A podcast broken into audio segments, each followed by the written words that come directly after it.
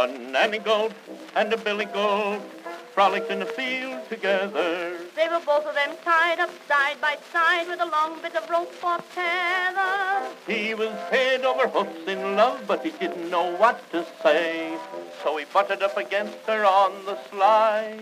And she butted back again in reply. To and fro, but, but, they would go, but, but, it was nothing but, but, but play.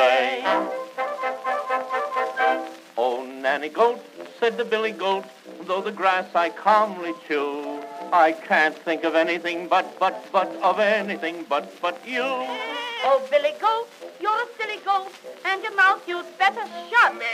Now stop your little laugh for your amorous remark. I object to be the But, but, but, but, but, but, but, but,